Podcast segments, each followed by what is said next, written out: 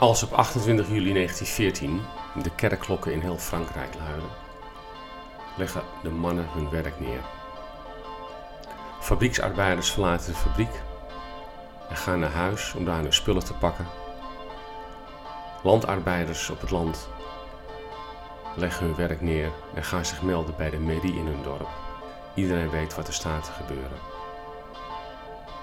Uiteindelijk zullen 2,9 miljoen mannen in de leeftijd van 20 tot 45 jaar worden opgeroepen om in dienst te gaan van het Franse leger, die de naderende Duitse aanval zou moeten afslaan. De kerkklokken van 1914 luiden het begin in van een schier eindeloze slagpartij die ruim vier jaar zal duren en een hele generatie gezonde mannen uit heel Europa zal wegvagen. De kerkklokken van 1914 in Frankrijk zijn een voorbode van een doodstrijd die gaat beginnen, die de Eerste Wereldoorlog wordt genoemd. Mijn naam is Ronald Gebhardt en ik heet je welkom bij een nieuwe aflevering van het Klinksnoer. Wij luiden kerkklokken voor belangrijke momenten die ons leven markeren. Bij geboorte of bij doop, bij trouwen en bij overlijden zijn we gewend het klokgelui te horen. Het is ook niet zo verwonderlijk dan dat je op veel verschillende plaatsen in Nederland en misschien ook wel in de rest van Europa verhalen tegenkomt die te maken hebben met klokken, klokkentorens. Zo wordt er verteld op verschillende plaatsen dat het klokgelui op de kerstnacht betekent dat alle zielen van kleine kinderen die overleden zijn ronddansen als vuurvliegjes of als dwaallichtjes. Bij Dijssel, vlakbij Eindhoven, wordt het verhaal verteld van de duivel die een klok steelt die nog niet ingewijd is en daarmee vliegt over de daken terug naar huis en dan onderweg een kleine kinderziel aantreft van een net overleden kind. En in zijn poging om de ziel te pakken en mee te nemen naar de hel, omdat het kind nog niet gedoopt zou zijn, laat de duivel de klok vallen. Die slaat een groot gat vlakbij het dorp Dijssel, waar nu een klein meer is. En ook deze klok luidt op kerstnacht, op middernacht. En degene die dan in de kuil kijkt, of dan in het meer kijkt, terwijl de klok luidt, zal al zijn haar verliezen. En de rest van zijn leven door moeten brengen zonder haren, baard, wenkbrauwen of oogwimpers. In het dorp Ginneken, vlakbij Breda, wordt een ander verhaal verteld. Daar wordt verteld hoe Ginneken lag tussen twee kastelen in, van Bouvigne en Grimhuizen. En hoe in Bouvigne en Grimhuizen een dochter en een zoon wonen die verliefd werden op elkaar, terwijl hun vaders, hun ouders, het helemaal niet goed met elkaar konden vinden. En op een avond besluit de jongen het meisje te schaken. Zij gaat naar het kasteel van haar. Hij zet de ladder tegen haar raam. Hij neemt haar uit de raam heen. samen gaan ze weg. En ze komen dan s'avonds laat aan in het dorpje Ginneken. Waar een hele grote Nederlands hervormde kerk staat, al uit de 15e eeuw. En ze kloppen daar op de deur en de pastoor doet open. En de jongen en meisje vertellen het verhaal en zeggen dat ze heel erg veel van elkaar houden en altijd bij elkaar willen blijven. En of de pastoor ze maar even wil trouwen. Pastoor is het helemaal hier niet mee eens. Die zegt: luister, jij hebt haar nu geschaakt, je hebt hem meegenomen. Het zal het helemaal niet mochten aan haar vader. En dan kan je niet zomaar gaan trouwen. Oh, zegt de zoon van het andere kasteel, maar daar weet ik wel wat op. Als we nu de kerkklokken laten luiden, dan komen de bruid en bruidegom daarna langzaam de kerk in en dan zal het vast wel mogen. Nee, zegt de pastoor, dat moet je niet doen, want de kerkklokken zijn nog niet gewijd. Maar voordat de pastoor was uitgesproken, was de jongen al opgesprongen en begon aan het touw te trekken waarmee de klepel in beweging werd gezet, die de klok ging luiden van de hervormde kerk in Ginneken. Nadat de klok drie keer geluid had en de pastoor nog had gewaarschuwd dat de klokken niet gewijd waren, stortte de kerktoren in de viel de klok naar beneden, bovenop de aanstaande bruid en bruidegom. En vervolgens rolde de klok met daarin de bruid en bruidegom het water in, dat vlak bij de grote markt van Ginneken zou lopen. En de klok en de bruid en de bruidegom zijn nooit meer teruggevonden.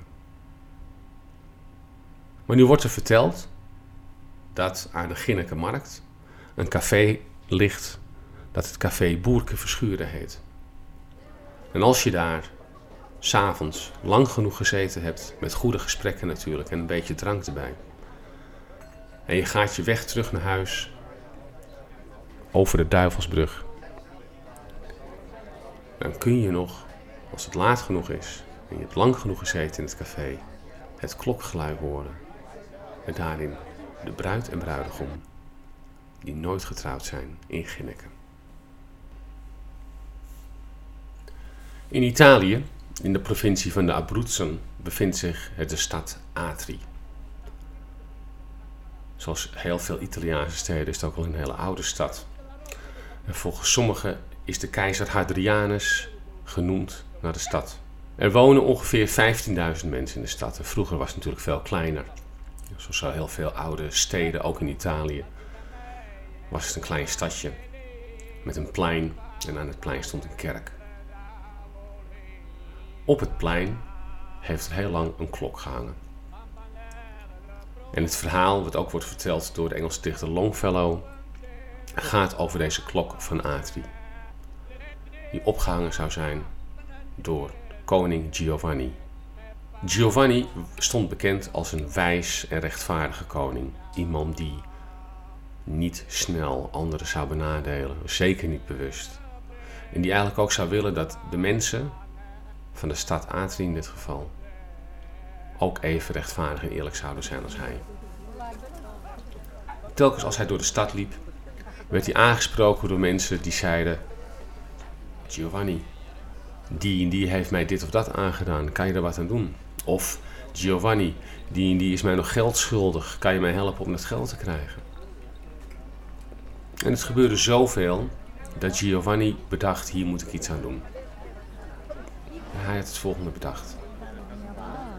Midden op het dorpsplein, vlak voor de kerk, hing hij dus de klok op. Aan de klok hing een lang touw.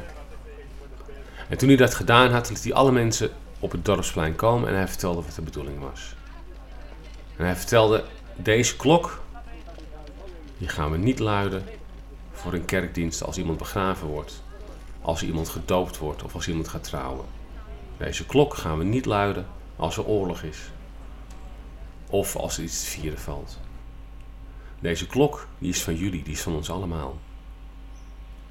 En de enige reden dat je deze klok mag luiden, is als jij het gevoel hebt dat jou onrecht aangedaan is. Als iemand jou geld schuldig is. Als iemand iets van je genomen heeft wat van jou was en niet van die ander. Daar mag je naar de klok lopen. Dan mag je de klok gaan luiden. En als dat gebeurt, komen we allemaal hier bij elkaar. Roep ik de rechters erbij en dan zullen we hier op het dorpsplein, op het stadsplein, een uitspraak doen over datgene wat voorgelegd wordt. En iedereen vond dat een goed idee. En in het begin werd er ook goed gebruik gemaakt van de klok. Zelfs midden in de nacht als er wat was en iemand vond het nodig om de klok te luiden, dan ging Giovanni uit zijn bed, kleedde hij zich aan, hij liet de rechters komen alle bewoners uit de stad kwamen. Ze luisterden naar de klacht van degene die de klok geluiden had. En Giovanni deed uitspraak. En die uitspraak die waren, vond iedereen goed en rechtvaardig en eerlijk. En iedereen was tevreden met de klok. Maar het had nog een ander effect. Op het moment dat iemand wou liegen tegen een ander, op het moment dat iemand wou stelen van een ander, dan hoorde hij of zij bij zichzelf het geluid van de klok. Heel vaak weerhield dat mensen ervan om dit soort dingen te gaan doen. En het gevolg was dat na een aantal jaar de klok steeds minder vaak geluid werd. Mensen zich veel bewuster werden van wat de consequenties zou kunnen zijn van wat ze zouden doen. En veel eerlijker zouden zijn. En zo groeide de stad Atri aan de kust uit tot een stad vol met tevreden, eerlijke en rechtvaardige mensen. De klok hing er zo een aantal jaar en hij was wel redelijk gebruikt, werd steeds minder gebruikt. En op een gegeven moment loopt Giovanni weer door de stad en ziet dat het touw dat aan de klepel van de klok hangt zo oud en versleten is dat het nauwelijks meer te gebruiken is. En Giovanni zegt zo, dit kan niet langer. Zo kan niemand de klok ook meer luiden natuurlijk als het nodig is. Hij riep de mensen bij elkaar en zei, kijk eens hier, het touw van de klok. Versleten en op. Hier moet iets nieuws aan doen, maar ik weet niet wat. Wie heeft er een idee? De mensen keken elkaar ook aan, want touw was op dat moment erg schaars en duur en niet zo makkelijk te krijgen. Maar een jonge man die verderop in het dorp woonde had een idee. Die zei: Ik heb nog een baal hennep liggen. Misschien dat ik daar iets van kan gaan maken. Giovanni zei: Dat is goed, doe dat. En zo kreeg de klok van Atri een nieuw touw gemaakt van hennep. Een touw dat helemaal tot aan de grond kwam en het weer geluid kon worden als mensen het nodig vonden. Buiten de stad woonde er een ridder die had meegevochten in menig oorlog. En vroeger was de ridder een rijk en machtig man geweest. Met een groot landgoed met bedienden, met verschillende paarden. Op een gegeven moment had hij zo vaak gevochten dat hij moe was geworden van de oorlog. En toen hij terugkwam, heeft hij al zijn bedienden weggestuurd. Liet hij het landgoed verder vervallen, had hij geen zin meer in om iets mee te doen. En deed hij al zijn paarden weg, behalve één. Zijn trouwe paard, met wie hij al zoveel gevochten had, die wou hij nog wel houden. Maar ook dat paard werd door de ridder verwaarloosd. Paard stond er in de wei, waar nauwelijks wat groeide. De omheining van de wei viel bijna in elkaar. De stal van het paard lekte. En de ridder zat er maar thuis. Een beetje te simmen, een beetje alleen en eenzaam te wezen. En het paard dat werd steeds magerder en magerder. Het werd slecht verzorgd. Het werd niet gekant. Het kreeg nauwelijks meer te eten. En de ridder keek uit het raam op een gegeven moment en zag dat het paard er niet zo goed aan toe was. En toen besloot hij dat hij ook dit paard niet meer wilde houden. Dus de ridder liep de wei in, deed het vermolmde hek open van de wei, liep naar het paard toe en zei tegen het paard: Ik kan je niet langer meer hebben. Ik wil je niet langer meer hier houden. Ga erop uit. Zoek ergens anders naar eten. Ik verzorg je niet meer. En hij sloeg het paard hard op de billen. Het paard het eigenlijk niet zoveel begreep, alleen wist dat het honger had. Schokte langzaam naar buiten. Ging de weg op naar de stad Atri. Maar omdat het paard al een paar jaar verder geen andere mensen had gezien, was het schuw geworden. Al snel ging het van de weg af liep door achterwegen door de bossen, probeerde allerlei mensen te vermijden en probeerde zo wat verder aan eten te komen. Hier een grasprietje, daar een grasprietje, hier een beetje, daar een beetje. En het hielp niet veel, want toen het paard werd weggestuurd was het volop zomer en het was warm. En het gras was al snel verdord en de bladeren lagen droog op de grond. En het paard werd magerder en magerder. Toch lukt het hem om verder zo aan zijn kost te komen. Maar naarmate de zomer vorderde en de herfst begon, werd het kouder en het begon vaker te regenen. En het paard bleef maar op zoek naar eten. En op een gegeven moment had het weinig keus meer en liep het de stad Atri in. En terwijl het paard de stad inliep en op zoek was naar eten, zag hij op een gegeven moment een grote groene stuk touw liggen dat gemaakt was van hennep. En het zag er voor hem zo lekker en, en, en sappig en heerlijk uit hij besloot dat te gaan eten. Het onderste stuk van het touw lag nog op de grond, dus het kon het paard makkelijk bij. Op een gegeven moment had het paard zo veel gegeten, had zoveel honger. Het hield maar niet op. Het touw was zo kort dat het paard op een gegeven moment, terwijl hij at, de klepel tegen de bel aansloeg. En zo op een regenachtige herfstavond hoorden de mensen voor het eerst in jaren weer de bel van Atri luiden. En Giovanni hoorde dat ook en die stond op. Deed zijn kleren aan, riep de rechters bij elkaar. En ze ging, zo ging iedereen naar het dorpsplein. En daar aangekomen was men verbaasd dat het niet een mens was die dit keer de bel had geluid om te klagen over iets wat een ander hem had aangedaan.